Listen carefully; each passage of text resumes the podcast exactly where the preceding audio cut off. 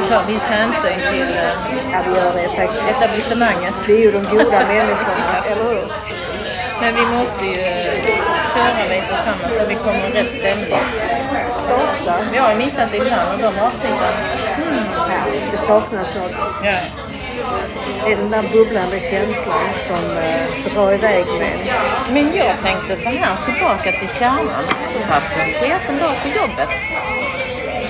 Jag har inte varit idag. Har du inte? Nej, jag varit ledig idag. Så nej. Idag vet jag att vi har slutat jobba. Köpa hus i Frankrike istället. Ja. Nu ska vi eh, investera och eh, så ska vi lägga ut eh, vi ska ha något sånt här börsnoterat företag och ja, ja vi har lite stål faktiskt. Ja men det är mycket. Men du har ju drivit företag så att jag lämnar den biten till dig. Ja, ja självklart. Nu var inte det... Yoga retreat, dykcenter, skrivkurser.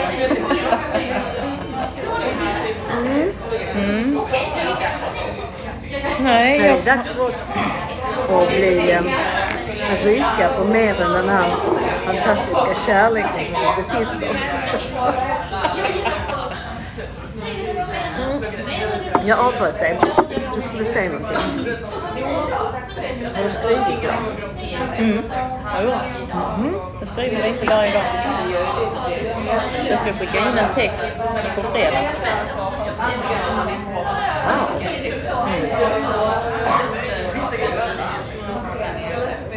Jag är mäktigt imponerad. Men det känns, vi hade avslutning. Vad var det? Ja men det måste ju ha varit förra veckan. då hade vi avslutning på första kursen. Och då blev vi peppade, eller jag blev i alla fall peppad, av andra som skriver och eh, lärarna i vilka sidor man ska bevaka digitalt. Där det finns liksom plattformar för novelltävlingar, dikttävlingar, essätävlingar. Att, ja, men nu måste jag ju blotta mig. Nu måste Jag måste ju blotta mig. Ja, ja. Så jag måste våga. Och då skickar man in där och sen så kan man då... eh, Jag publicerar. Wow. Fast man kommer först att bli refuserad många gånger har jag förstått. Ja, men Men det inte det. jag. Nej, kanske inte det. Nej, nej, nej. Man måste sitta högt. Men så nu har jag en som jag ska skicka in på fredag. Och jag känner att, ja men lite varje morgon och lite varje kväll. Minst. Lite fasta tider. När du säger skicka in, är det till en tävling eller är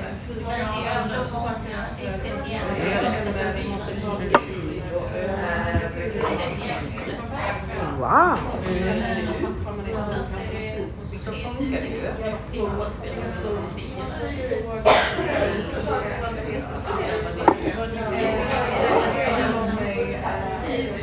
Alltså om det är på Malmöhus där så måste det vara Det vill inte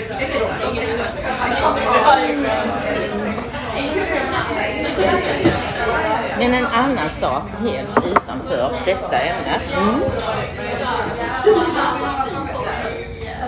Allt detta vi gör har ju haft en del i detta. Att jag gör det jag gör, tänker jag. Så att, eh, vad vill vi egentligen då? Se en massa poddar? Om vi vill... Att vi är inspiratörer och ser att folk startar en massa roliga poddar, för det är en sak vi saknar. Eller vi ska inte göra det här. Vad är det vi vill? Jag tror... Jag frågar här, om jag frågar. Alltså vi har, vi har roat oss lite grann och tittat på kort. Inte fotografier utan sådana här kort som kan vägleda en i livet. Och eh, vi har även tittat på, på eh, stjärntecken och allt vad man kan tycka som är lite flummigt men ändå jag kan tycka det är intressant och roligt. Och en av de här delarna som lyftes fram var eh, det här att stå på scen. Alltså det här eh, det här lilla obehaget som jag kan ha över att, eh, att fronta mig själv. Eh, och att det var någonting som, som jag kanske skulle behöva jobba med. Att inte vara så försiktig i marknadsföringen av mig själv. Tjenas, exakt. Och när vi pratar om vad vi vill med det här så är det ju också en försiktighet när vi pratar om oss själva. Och, men vi lyssnar ju båda och vi kan ju uppskatta det vi hör. Och när du frågar vad det är vi vill, ja men det är nog det jag vill. Jag tror inte att, ja, är det någon som är inspirerad att skapa en, en podd som jag gärna vill lyssna på så hade det varit kul. Men men är det fler som kan känna samma igenkänning eller kanske få en, en ny vinkling, ett nytt sätt att se på en situation så jag tyckte det var jäkligt häftigt. För det låter ju konstigt men, men jag går verkligen och tycker det är så jävla roligt att lyssna på de här avsnitten. Det är roligt att lyssna på sina egna samtal ja, som man det har det. Tycker jag får, alltså bara spela in för min egen skull och lyssna hade räckt långt för mig. Sen kan jag ju känna att den här eh, vi har också alltid läst årshoroskop tillsammans. Vi har alltid läst årshoroskop tillsammans runt jul och nyår. Eh, och jag pratar med alla mina barn. Eh, vi ägnar oss inte det i samma rum detta året, men det har blivit så tidigare att vi har suttit och läst liksom högt. Um, på en ganska avslappnad nivå, man skrattar rätt så mycket. Men där ligger ändå ganska mycket i det, i alla fall för mig. Um, och jag kände i år någonting som jag inte riktigt har känt innan, men någon känsla av att jag tar mig själv på större allvar i relation till det jag läste. Känner du igen det? Jag känner igen det. Jag känner igen Om man tänker liksom någon form av transformation som har skett i relation till sig själv. Som inte känns som en jätteförändring, men det är som ett perspektivskifte. Att jag har förmågan att vara den jag är, se på mig själv, agera som jag har gjort och fortsätta med det. Men lägga till lite hälsosamma lager. Och faktum är att vi pratade ju, var det du och jag som pratade om det eller kommer inte ihåg riktigt, men det här med att omsätta drömmar i praktik. Nej, jag tror det också var en del i texten när man pratade om mitt stjärntecken och mina barn skrattade lite grann för att jag har alltid haft så många idéer ja, men visioner kanske inte alla har genomförts, såklart. Men nu när jag satt och lyssnade och lyssnade på alla tankar så kunde jag, jag kunde, jag kunde mycket lättare dels ta till mig, men jag kunde också nästan utveckla en plan för genomförande. För det, det känns som att, att den här eh, den här eh, förmågan att agera har blivit mycket, mycket förstärkt. Istället för att man bara så här reagerar eller får infall eller någonting känns eller vad fanken man nu har. Men faktum också att se hur man har agerat tidigare. Ja, som jag inte har kunnat se innan. Att, ja men det här har jag ju uppnått. Se på sitt liv alltså utifrån det perspektivet också. Att ja men det förverkligade jag, det gjorde jag, det ville jag då och då gjorde jag det. Även om man sen kan, det kanske inte är det man är stoltast över, men det är ändå någonting som man har strävat efter och uppnått. Ja, och jag tycker också att jag har blivit... Eh, jag har blivit så mycket snällare mot mig själv. När jag tänker tillbaks på... Ja, om man går tillbaks i sitt liv och man tittar på episoder och allting har ju inte varit bra. Ja, men så, så är det helt klart. Och även det som jag förr kanske faktiskt, tror jag, sköt över på någon annan och inte ville rikta ansvar på själv kan jag ibland mycket lättare acceptera. Att jag gjorde så gott jag kunde. Det blev inte bra, men jag kunde inte göra annat i den situationen. Och det är en rätt behaglig känsla att, att känna att livet har gett en del andra verktyg det så det känns inte så... Ja men att förstå liksom, även om man inte till fullt ut förstår sig själv, så kan man förstå sitt handlande. Och omfamna det, respektera den man var nu, platsen man befann sig på, vad man hade runt om sig att spela med. Och att resultatet blev därefter och att det faktiskt kanske var ett toppresultat utifrån situationen, tänker jag. Och inte bara, alltså jag kan ju skratta åt vissa saker och det är också väldigt skönt. Eh, att kunna prata om sig själv och episoder i ens liv i mindre nära relationer. Men ändå känna att man har en viss kontroll. Man äger sin historia. Så att då kan man alltså fläckvis bjuda på vissa saker som jag kanske tidigare skämdes över eller inte ville stå för eller sköt över på exet. Ja men precis. Eller chefen. Eller vad som helst. Och också kunna lägga det på den skala som det ska läggas på.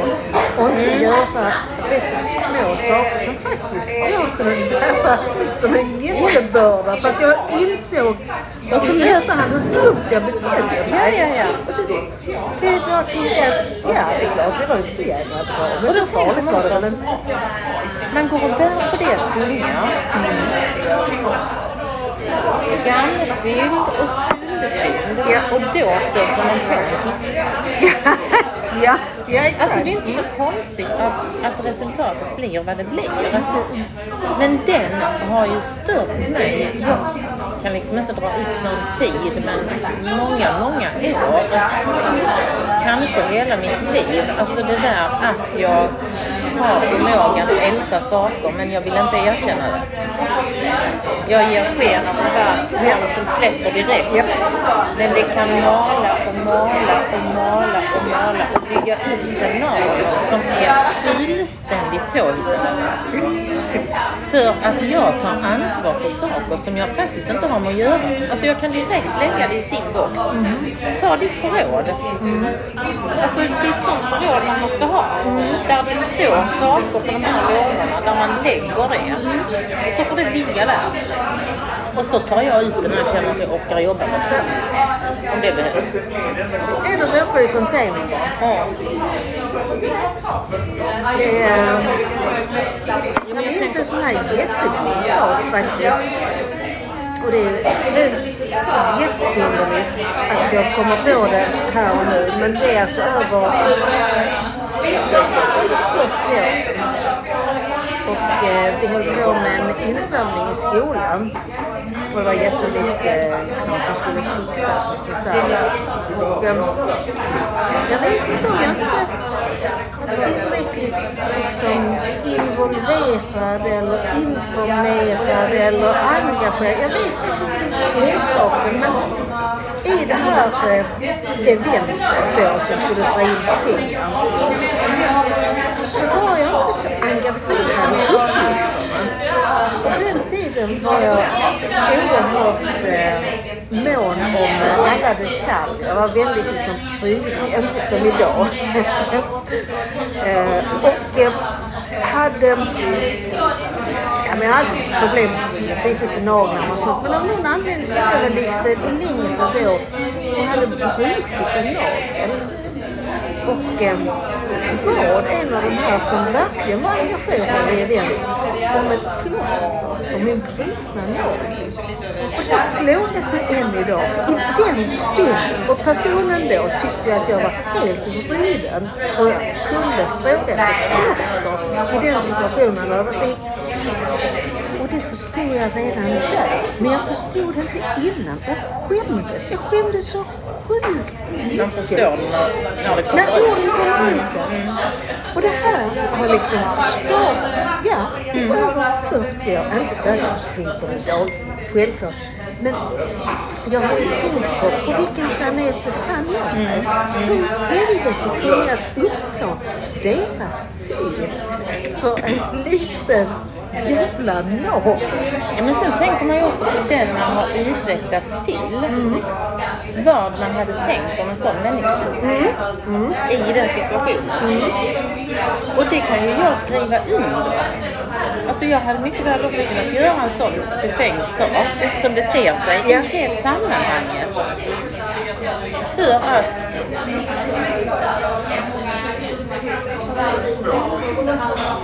Ja, det, är- det är ju jätteintressant varför det blir så. Jag menar det kommer att bli så fler gånger tänker jag mig. För att jag har ju, nu kommer inte jag på någonting konkret men jag känner precis igen det där skeendet, det jag gör, det jag säger. Så fruktansvärt fel. Så att jag kan ju tänka mig att det är bara en stor jubelidiot som kommer in och gör så som jag gjorde. Ja, du kan inte backa bandet. Nej, nej, nej, nej. Och sen har du heller inte... För där tänker jag att där har ju tiden lärt dig att bli mycket tryggare i sig själv. Jag kan ju se att jag var en osäker människa. Verkligen osäker. Och det här var mitt, eh, det var min rustning, mitt pansar. Att alla detaljer var helt liksom... Tänk att vi försökte återerövra den rustningen Ja. form av kläder. Det är inte så länge sedan. Nej, det är inte så Ett år sedan. Ja. Ah, vi tar kläder. Så jag kan förstå den lilla flickan, men just skammen och också den bilden som säkert var uppbyggd av mig som... Ja, jag har säkert... Jag pratade ju förra gången om det här med att man är någon annans kisstant. Och så var det säkert ännu värre då eftersom integriteten var ännu tätare, osäkerheten mycket större. Men sen kan ju konflikten ligga i det som du och jag har... Eh, vi ältar ju inte för vi pratar ju och ifrågasätter oss själva. Om man ska uttrycka det väldigt kort. Men det här att jag gjorde så för jag begrep inte bättre. Där blir ju en konflikt i det när man minns, när man återkallar sådana situationer som har stört en. Att jag begrep ju bättre. Ja, Jag fattar ju vad jag höll på med och ändå gjorde jag det. ja, ja.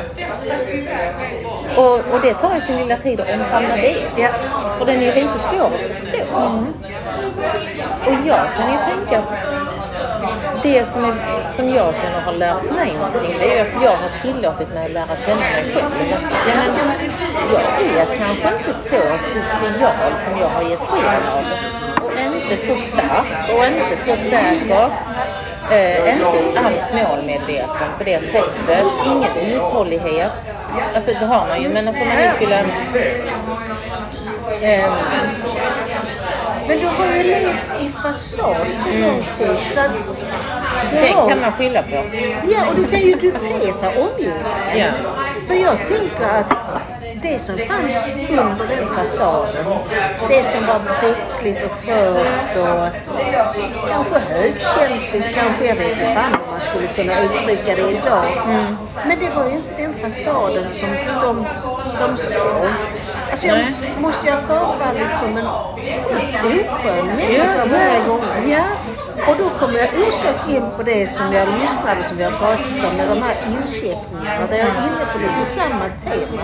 Där jag inte vill släppa in någon. Jag vill inte berätta någonting om mig själv. Och det framstår ju också som en rätt så oskön människa eftersom jag bjuder inte på någonting. Jag är den där högst professionella. Det kan vi resonera om. Men jag ska fasiken inte berätta någonting om prax- de här sprickorna i Man fasaden. ser ju ner på de andra i gruppen. Ja, ja men så är det nog alltså. Det vill man ju inte ens... Nej, alltså den är svår att ta i. Men alltså jag upplever ju att det där reserverade och tillbaka till horoskop. Jag blev utmanad att ta reda på min ascendent. Mm, så det gjorde jag. Och då har jag min i skorpionens tecken. Och det lilla som jag har läst det är att jag kan upplevas som diffus och ofokuserad. Och för kanske ett år sedan så fick jag det till mig i vår gruppterapi av min yngsta dotter. Att hon kunde uppleva mig som diffus. Och jag blev så sjukt jävla ledsen. Alltså jag visar ju inte det där och då. Nej, nej, nej. nej. Men sen efterpå när kusten var fri så grät jag så jättemycket. För att diffus och inte skarp på sina konturer, det vill man ju inte vara. Men jag upplever ju också nu, när jag sen satt och läste, så här kan det upplevas.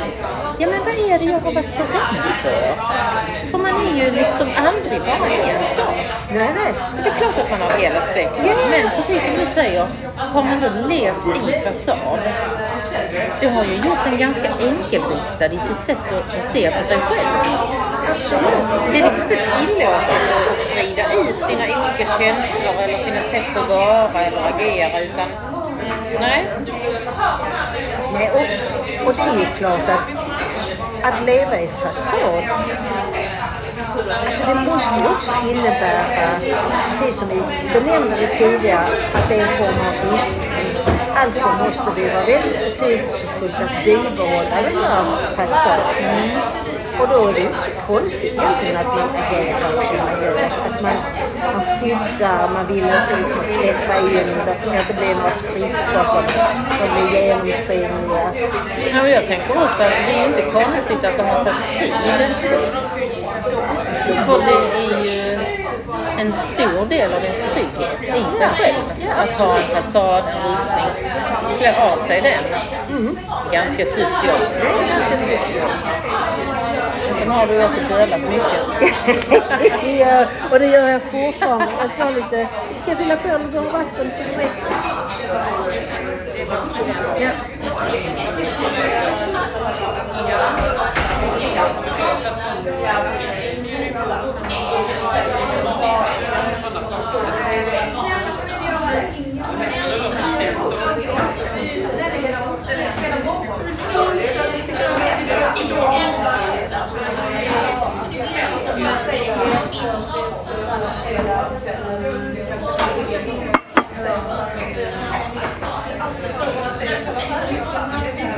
Nej, men det är sjukt intressant och det hör väl till eh, året. Ett år tar slut och ett nytt börjar. Man hamnar ju, jag kan känna hur jag hamnar i det här med att göra någon form av avslut för sig själv. Och sen vad man har för förväntningar eller mål eller hur man nu vill uttrycka det för sig. Jag har ingen nyårslöfte. Men jag har... Jag kände... Jag brukar inte egentligen vara så förundrad över det. Jag tycker inte det är någon... Jag vet inte, jag tror inte det är... Nej, jag vet inte vad jag ska säga. Så jag kan inte ens sätta ord på det. Eh, men det här året så kände jag ändå någon sorts förvissning om Alltså det nya året, alltså sådär som... Ja, det var nästan lite så här att det är någonting som, jag vet inte vad, men det är någonting som, som kommer att... Som kommer att hända. Alltså inte, nu tänker jag inte hända i form av eh, stor vinst och sånt, utan fortsatt på samma spår på det personliga planet. Det- känns som att någonting ligger redo för att förlösas. Ja, men jag känner att... Jag vet inte, det var väl innan vi började banda, men det här hur... Jag kopierar ju ditt uttryck för jag tycker just nu har jag kunnat ta det till mig, hur det ena befruktar det andra. Mitt sätt att se på mig själv, mitt sätt att se på min relation till ett jobb, vilket som, vilken roll jag har, vilken roll jobbet spelar för mig. För att jag ska må bra. som människa. Alltså utvecklas, eh, kunna utföra mina arbetsuppgifter. Alltså det har, liksom, det har kommit in en annan typ av farlighet. Vi har sagt det många gånger i många avsnitt att vi själva tillåter oss, eller ska tillåta oss att vara intresserade av oss själva. Men jag kan känna att ja, men nu är det någonting som har kommit som jag kan ta sig Som är på riktigt. Vi har jobbat med det. Nu kan jag känna resultatet. Och bakom den här fasaden så har jag ju alltid sagt att giftermål är ingenting för mig. Jag har aldrig drömt om ett stort bröllop. Alltså, ta bara exempel. Nyårsafton eh, midsommarafton, det är liksom inga högtider för mig som jag har känt ska vara traditionsbundna eller något sånt. Där är så mycket tragik för familjer och barn, bla bla bla. Men vad som händer där det är ju precis att få lov att bli lite exalterad och engagerad som vi beskriver nu. Det, det blir man ju beskriven på själv, av sig själv. När man går in och liksom håller hårda föredrag betydelselös nyårsafton är för mig. För det har jag sagt jättemånga gånger. Att det är liksom, jag kan gå och lägga mig klockan elva. Det är en vanlig dag. Påhitt. Det är inget som man försummas av. Men jag har liksom också känt det där att det är ju faktiskt okej okay att vara eh, förväntansfull inför ett nytt år. Och bara få lov att tänka, vad som ska hända detta året. Hur långt ska vi komma med det vi sysslar med? Kommer det bli året när vi börjar skriva? Vi har inte bestämt någonting, men att få lov att tänka de tankarna och bejaka det. Alltså bejaka? Det. Att man, det, sen det drömmar eller vi kan förverkliga, det, det är inte det som är viktigt. Utan det, är, det viktigaste är att tro på sig själv och få lov att glädjas. Ja. Jag tyckte även att det var som ett både en förväntan och en förundran men också som ett reningsbad. Det kändes som att, att liksom kliva ur en, en, alltså en gammal overall och sen så hoppa in i ett overall som, som glänste lite mer. Och som, ja. Nej men de där beskrivningarna som man kan få på nyårsafton. Säger, jag har lyssnat jättemycket på årskrönikor av någon anledning i olika former. Och jag tänker att också en sån sak som jag har kunnat liksom Ja, ja. Jävla trams. Men, ja, men summera saker. Paketera det. Ja, detta var detta året. Vad var bäst och vad var sämst? Och hur långt kom jag där? Ja, nej, där har jag ju lite att jobba på kanske. Och det där har vi helt försummat. Men med samma frihet. Det känns ju att få lov att glädjas. Alltså känna att ja, men nu går vi in i ett nytt år, en ny tid. Spännande. Mycket spännande. Jättespännande. Jag känner mig påfostrad. Alltså det är länge sedan jag kände mig tillfreds med mig själv. Jag känner inte... Nej, jag tänker inte ens säga en massa eh, urskuldande text här. Utan jag, jag känner mig... Jag känner mig tillräcklig. Mm. Och det är mycket. Ja, det är jävligt. kommer man på nu. Det är mycket. Men jag funderar nu i veckan på, av någon anledning, någonting jag lyssnar på. Vad sa du någonting? Det var någonting jag tror jag lyssnar på. Alltså du vet så här man går antingen och lagar mat eller städar eller plockar och så är radion på. Ja. Och så slår mig bara, det är någonting de säger där som jag inte kommer ihåg. Men jag var så snabb så jag var tvungen att skriva ner stödord. Och det jag kommer att tänka på då, tillbaka till alltså vår första gemensamma nämnare. Ett engagemang och en glädje till ett jobb. Och vissa likheter i vad som är värdefullt. Och hur värdegrunden borde uttryckas och jobbas efter.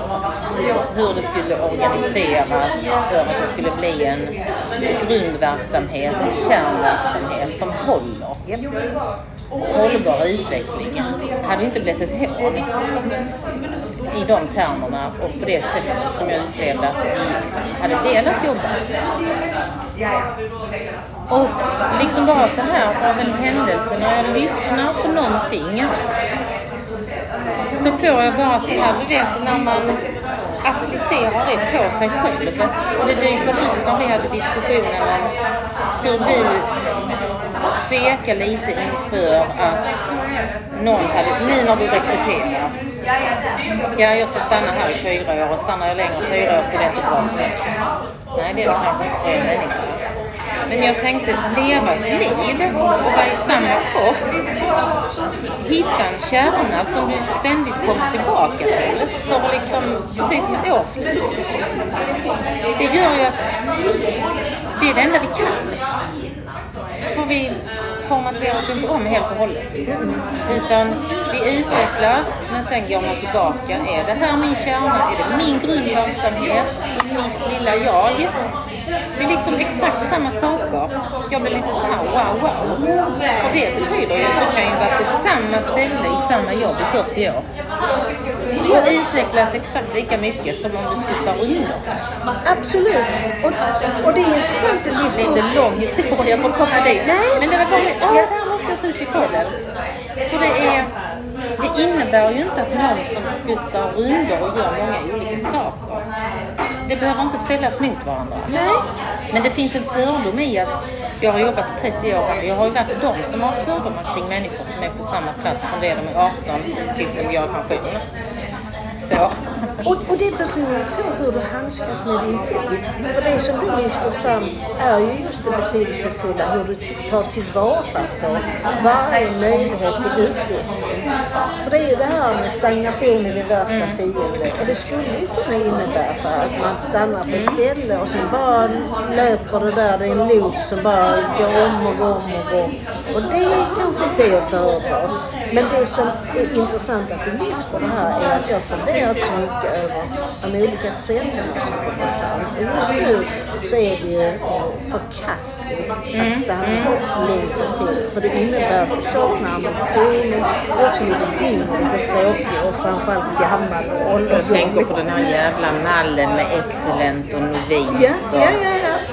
Alltså de här bedömningarna Ja. som vi ska göra på varandra Ja. utan att veta vilka vi är. Ja. Men också att det innehåller väldigt eh, knapphändiga parametrar för att egentligen göra en korrekt bedömning. Och att vara precis som du lyfter här och nu, eh, tillmäta någon som bryter ett x antal stipulerade år görs per automatik till den mest kompetenta. Alltså, och det värsta är att... som har hittat på det. Ja, men garanterat. Men, men varför jag är så glad att du lyfter det här är att, att jag har vaggats in i tron. Det tror inte på facit. Men jag har faktiskt vaggats in i att känna eh, att känna att, att det är faktiskt så det är. Det har blivit som en sorts facit vilket har diskvalificerat mig själv i viss mån. Fast ja. jag kan se att där jag just nu befinner mig är verkligen en utveckling som kan bli enormt gynnsam för alla som är det. Och där du får en mer långsiktig utveckling som innebär att du både har de mer kortsiktiga målen men du har också visioner som du kan komma närmare. För annars blir det bara visioner. Jag menar för mig blir det bara liksom ett sånt slag i ansiktet att du kan ju aldrig komma ifrån dig själv. Oavsett var du placerar dig. Så att det där att man ska, man ska inte vara längre jag tror att när jag kom ut i, i yrkeslivet så pratar man om sju år. Att man skulle inte vara längre än sju år på en arbetsplats. Nu har jag hört fyra. Alltså det är maxat. Då bör du liksom växla om. Och det är ju, jag vet ju inte, jag har faktiskt inte läst en enda studie med något, eh, alltså, något vettigt underlag. Utan det, det är ju trender också, saker man hör. Men man kan ju också vända på det och se det som ett svenskt flyktbeteende. För det är bara upp till en själv om man ska utvecklas. Och man ska utveckla de arbetsuppgifter man har. Tycker man inte att man kan det, men det måste vara mer än en parameter. Det blir ju farligt kan jag tycka om det bara styrs av att åh nej gud, nu har jag varit här så länge, nu måste jag söka annat. För att annars så blir jag dissad på arbetsplatsen. Det är ju förfärligt. Och det går ju emot eh, det vi pratar om i vår bransch, om kontinuitet. Alltså, Ja, för det är ju det som blir konsekvensen. För, för det är ju två delar i det. Dels är det det egocentriska perspektivet. Att du enbart tänker, alltså jag får inte utveckla Efter fyra år så får jag inte Nej. Nu börjar jag ändra dialekt. För det gör man när man ska förställa sig. nu leker vi med Barbie Men det är ju också precis det du är inne på. Det som vi ser sker. För det blir ju en omstart för organisationen eh, när det bryts. För det spelar ju ingen roll. Alla vill sätta sin prägel på det, vilket är förståeligt. Men det blir ingen långsiktighet Nej. utan det blir en omstart.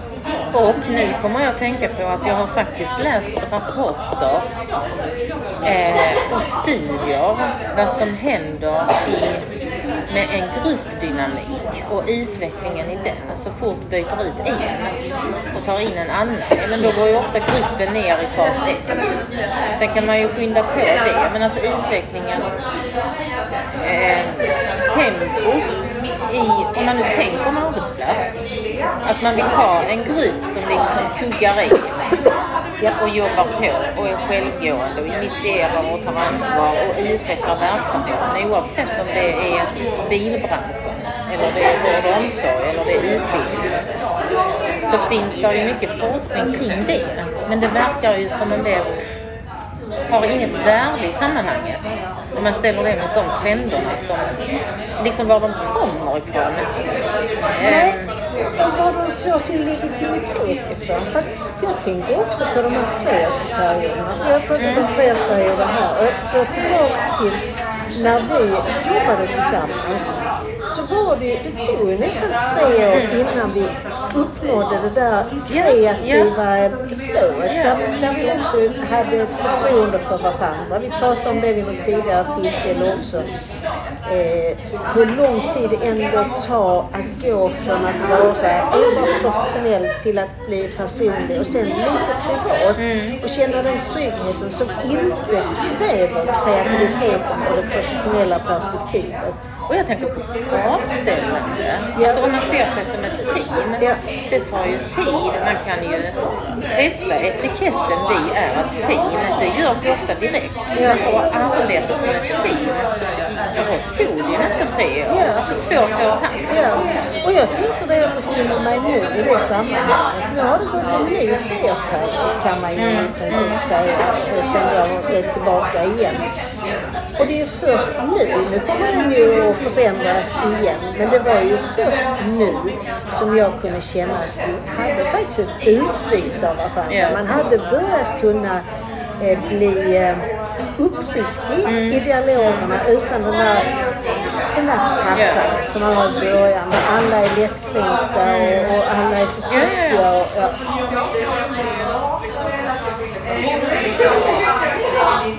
Men det är spännande för att det där är ju mycket i den som jag kan se när vi pratar om att kvalitetssäkra. Du kan ju inte bortse från viktighetsgraden i det mellanmänskliga samspelet så fort vi kommer till människor. Och du kan, jag ser det som ytterst svårt att bygga det i det tempo som jag ser utvecklas nu. Att få in, som du beskrev i vårt förra samtal, att vad är det för människor man rekryterar nu? Om man liksom ska få se det i stort. Vad är det för mentalitet? Vad är det de behöver? Eh, och hur, för där känner jag att organisationen har, har ju än så länge liksom inte hängt med i det. Anpassat sig utifrån klientelet eller anpassat sig utifrån de grupperna man har. Om det sen är patienter eller elever eller barn. Så kör ju lite parallella spöken. Men Jag tror att det är jättesvårt att bygga något långsiktigt och hållbart. Om man inte tar kommandot, kontrollen över... Och sen, alltså det ställer ju krav, det tar ju vår energi och ställer krav att formera nya kriterier. Eh, och det är klart att den energin ska ju tas någonstans ifrån. Och det utvecklingsarbete som påbörjas måste ju vara en av de sakerna som trampas. Ja, det händer saker med människor när... Och där tror jag definitivt inte att jag är unik på något sätt. Men när målet kommer längre och längre ifrån och det inte verkar vara viktigt. Det har varit jätteviktigt här på introduktionen. Jätteviktigt. Men sen ska alla dra ut sina egna målbilder. Och då, då, då etablerar man ju inte den där känslan att vi drar detta tillsammans. Jag menar, är vi tio stycken som ska dra denna kärran, då kostar det ingenting. Men ska alla dra varsin sån kärra själv, så är det tungt som fan. Ja, och du inser också när du har nyrekryterat så inser du hur lång tid det tar att, eh, att etablera en gemensam vision. För det som, som har varit naturligt kanske för de som har varit med i utbildningen, det är väldigt svårt att få med och det är väldigt svårt att ta till sig. Detta är så intressant för att det är också ett sånt begrepp, din vision. När du går på en anställningsintervju, vilken är din vision? Alla är ute i sin vision. Ja men den är ju helt oviktig. Man måste ju synkas med det. Ja, ja. Det är liksom så konstigt. ja, men det är det. Tycker jag. Den där är ju intressant för, för du har ju trots allt varit, som jag har benämnt många gånger, så mycket, mycket mer modig. För jag har fascinerats över din liv att göra de valen där det blir mindre långsiktigt men där du har fått utifrån den, den känsla som du har av vad sammanhanget tillför och inte tillför. För det är ju främst det som har, har styrt dig i dina val. Men det kan ju också vara lika delar rädsla för att stanna kvar. Alltså man bara känner sig kvävd men det kan ju finnas, precis som vi pratade om relationer. Alltså innan man gör slut så kanske man ska utröna vilka vägar man har och kunna se vad kan det ge. Det kan ju vara flyktbeteende också, till viss del. Och att det, det är liksom gränsen, ja men nu är det något, nu skiter jag i. Hej då. Är du med? Jag, jag är med, jag är med. Och jag vet inte. Jag är osäker på vad det står för vad det gäller mig men när jag har fått frågan så har jag ju svarat lite glättigt. Ja, men jag, så funkar jag. Jag blir klar. Punkt slut. Och det säger egentligen inte mycket. Nej, men samtidigt måste man ju ge det att de sammanhangen som du har hamnat i är ju inte sammanhang som till 100 procent har varit bra. Du har ju valt att gå innan du har tagit för mycket skada. Ja. Jag har ju sånt självskadebeteende. Jag kan ju inte liksom, jag kan inte fatta när Kan du det inte få bidrag då? Det är så trevligt just nu. Så, så ditt sätt att förhålla dig är ju inte, det är ju inte egocentriskt i den meningen att du går in, du går in och tänker att jag ska suga ut liksom detta och sen drar jag vidare när jag har lärt mig vad jag kan. Ni kan klara det bäst ni vill. För du går faktiskt in, som jag uppfattar det, med intentionen att du ger järnet med fullt engagemang. Men om inte sammanhanget möter dina krav så har du stolthet och mod att säga nej. det låter mycket bättre än min version. Ja men det är ju så det är. Så det är. Men jag tänker också att den, den kan ju vara nyttig och djupdyka lite i. För att det finns ju också, och det vet jag att du och jag har pratat om, att det finns ju förhastade eh, beslut där man känner att okej, jag kände mig väldigt klar med detta i stunden och det här kändes som det enda alternativet. Men det kan ändå gräma en. Ja, den är jag med Är du med?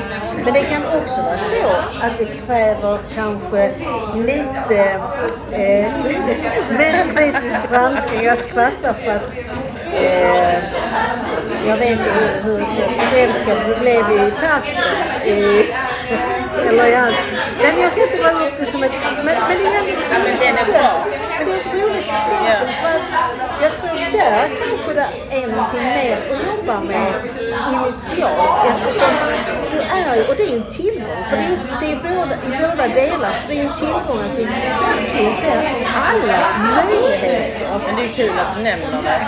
Nu har jag en rolig sak att berätta. Ja.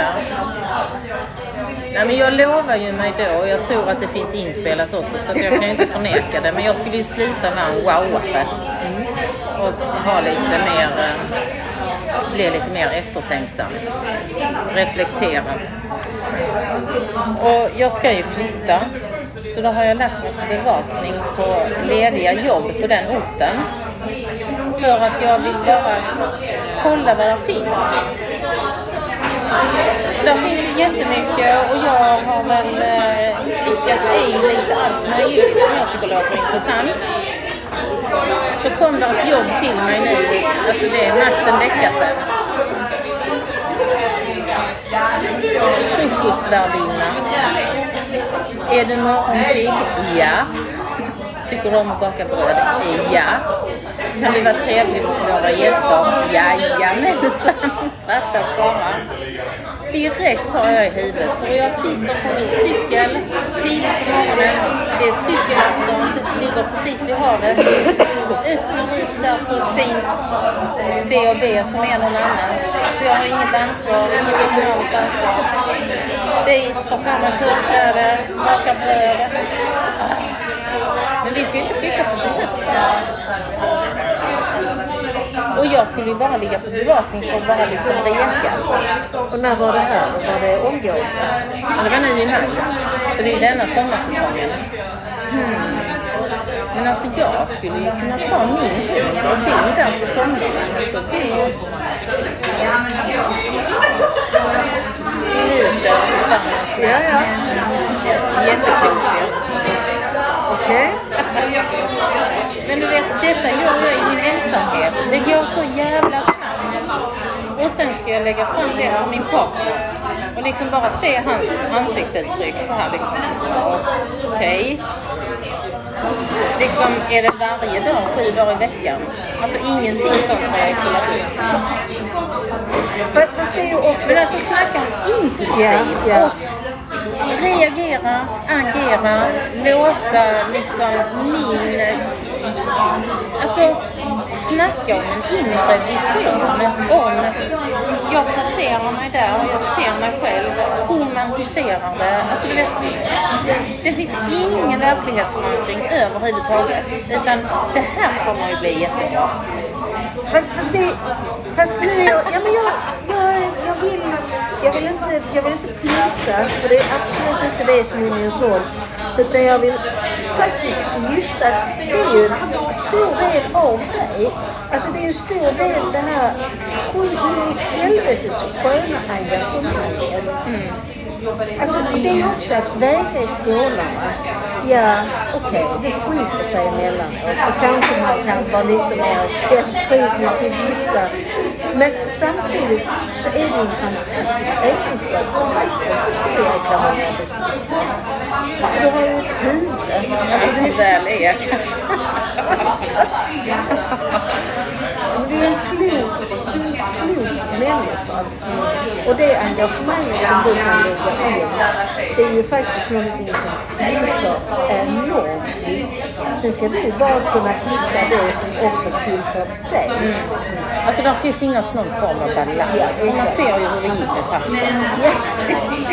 Ja, fast det, det avsnittet är en av de roliga. Och jag är inte skadeglad, men lite så roligt är det. Men, men det är ju, men du bara slog mig när vi sen satt och pratade om det. Ja. Att jag utelämnar ju alla svårigheter. Ja, ja, och liksom, jag tar inte ens i, i jag betraktar inte ens på avstånd. Nej. Utan. Ja. Ja. Och, och jag tänker att du kan ju slå dig väldigt illa Jo, absolut. i, i det som du liksom själv bygger ut. Ja. Det är lite grann, Men jag har haft lite kamikaze, liknande kamikaze när det gäller relation. Jag vet ju när jag skulle... nu hade inte jag pastor någon relation. nej, nej, nej. Från yrkesmässigt. Men jag vet när jag hade en relation med en man som inte bodde i samma land som jag. Och eh, tre barn i skolåldern. Och eh, på riktigt eh, tyckte att självklart kunde vi ju flytta dit och de kunde ju pendla till skolan i Sverige. Det, det var ju gett dem matpaket. Men det, det fanns heller inga hinder i världen för det här. Och när jag lägger det på bordet till de som faktiskt var berörda. Alltså det var ju så orealistiskt så det. Man skulle, man skulle gå upp, man skulle gå upp i ottan och de skulle komma hem alltså, sent. Alltså, det fanns ingen som helst rim och det. Så jag, jag, jag förstår. För, Nej, för jag tänker... Det vi har pratat om hittills, vi har ju benämnt alltså vårt eh, sätt att ta väldigt mycket ansvar för andra. ja.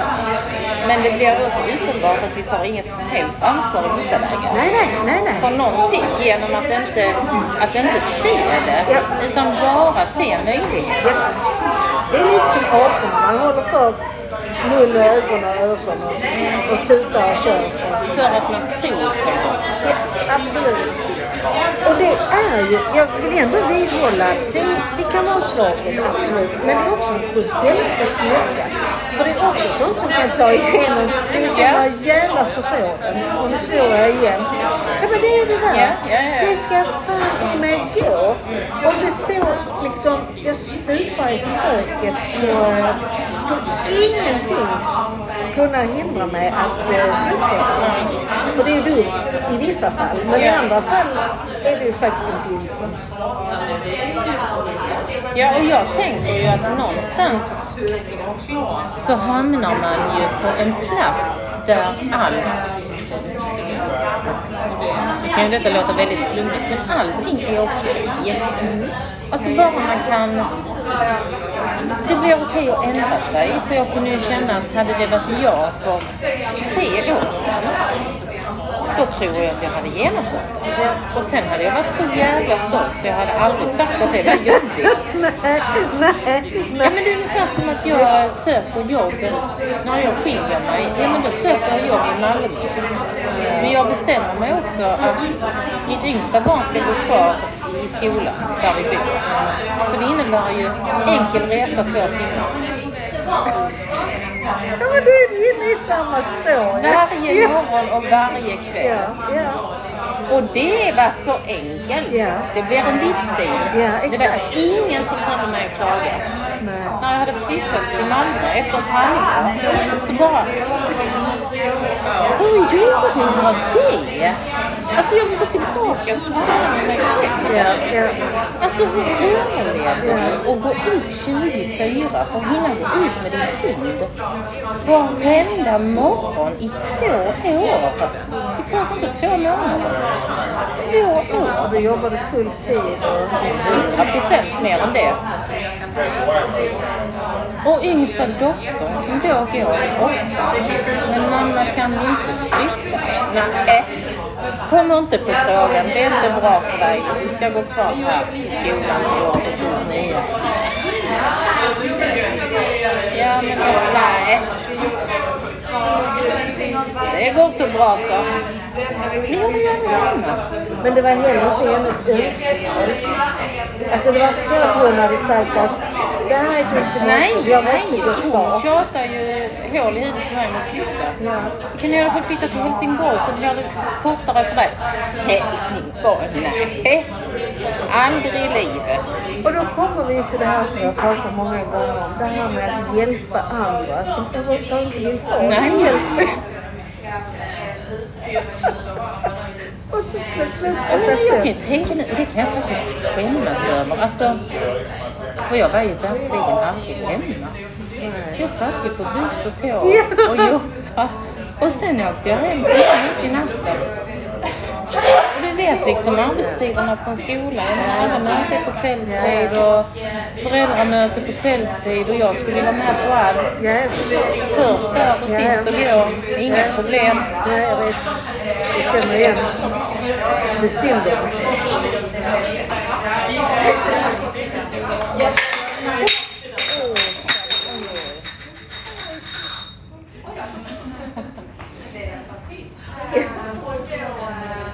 Men alltså, jag menar, det är ju sådana episoder i ens liv som jag, alltså nu liksom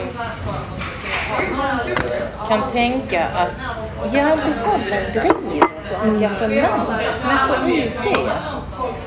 Men också det, det som blir absurt som du inte ser i den stunden. För du, du, tänk, du tänker uppåt.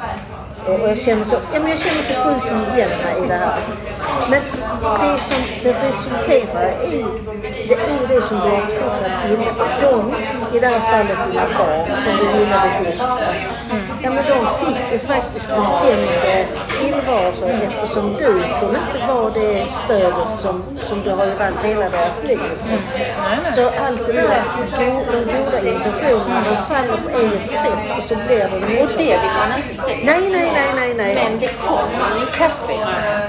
Att hur blev Och jag menar det här med att, att, att kunna se nyårsafton som en fantastisk dag och göra ett avslut och få lov att kliva in i något annat och liksom se att det här blir ju inte så bra. Och kunna justera det för sig själv så att det liksom ja, i systemet. Och inte ha behov av att vara goda människor. För att jag, ja, men jag tänker att jag har i de här situationerna, liknande situationer, så skulle någon ifrågasätta mitt motiv. Så skulle jag ju verkligen bli ett offer. För jag har ju verkligen tänkt bara det bästa för alla andra i den här situationen. Så bara blir helt, helt det allra värsta är att jag, jag kan se och höra mig själv hur jag kanske blir offer inåt men argumenterar för mitt sätt och mina val med bestämdhet. Och liksom ändå känner mig ledsen inuti. För jag menar varför attackerar de mig? Ja, ja, ja, det är så man ville det. Herregud, jag tänker på allt. Vi kan läsa psykologutlåtanden om att det är inte alls bra att skifta skola Nej, exakt. när man är i den åldern. Och du med huvudet i nid. Nej, det kanske inte är så bra med frånvarande föräldrar heller, tusan det. Kan ha en viss bidragande. Men det, det är som sagt, jag tycker det är en fröjd, en ren fröjd att kunna se på sig själv och sitt liv med intresse och nyfikenhet. Och hur det faktiskt har format det. Man kan titta på sina barn och känna sån enorm tacksamhet på gränsen till att man liksom nästan känner sig religiös. Att herregud, de har ju klarat detta.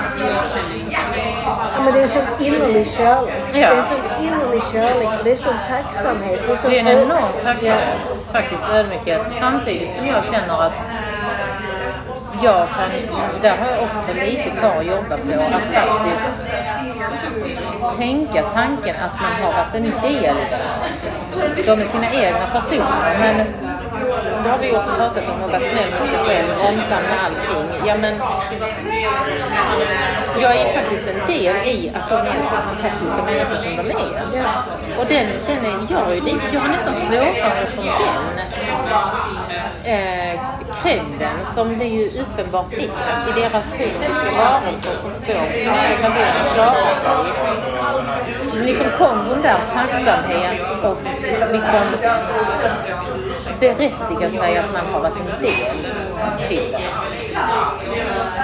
Men där, där, där har jag upplevt otroligt starka eh, upplevelser med eh, just att få den här eh, bekräftelsen från barnen själva. Eh, och det gör en varm långt in i hjärtat. Ja. Så han kommer ännu mer värme. Tack för idag. Tack för idag. Ljuvligt att prata. Vi hörs We do. Snart igen.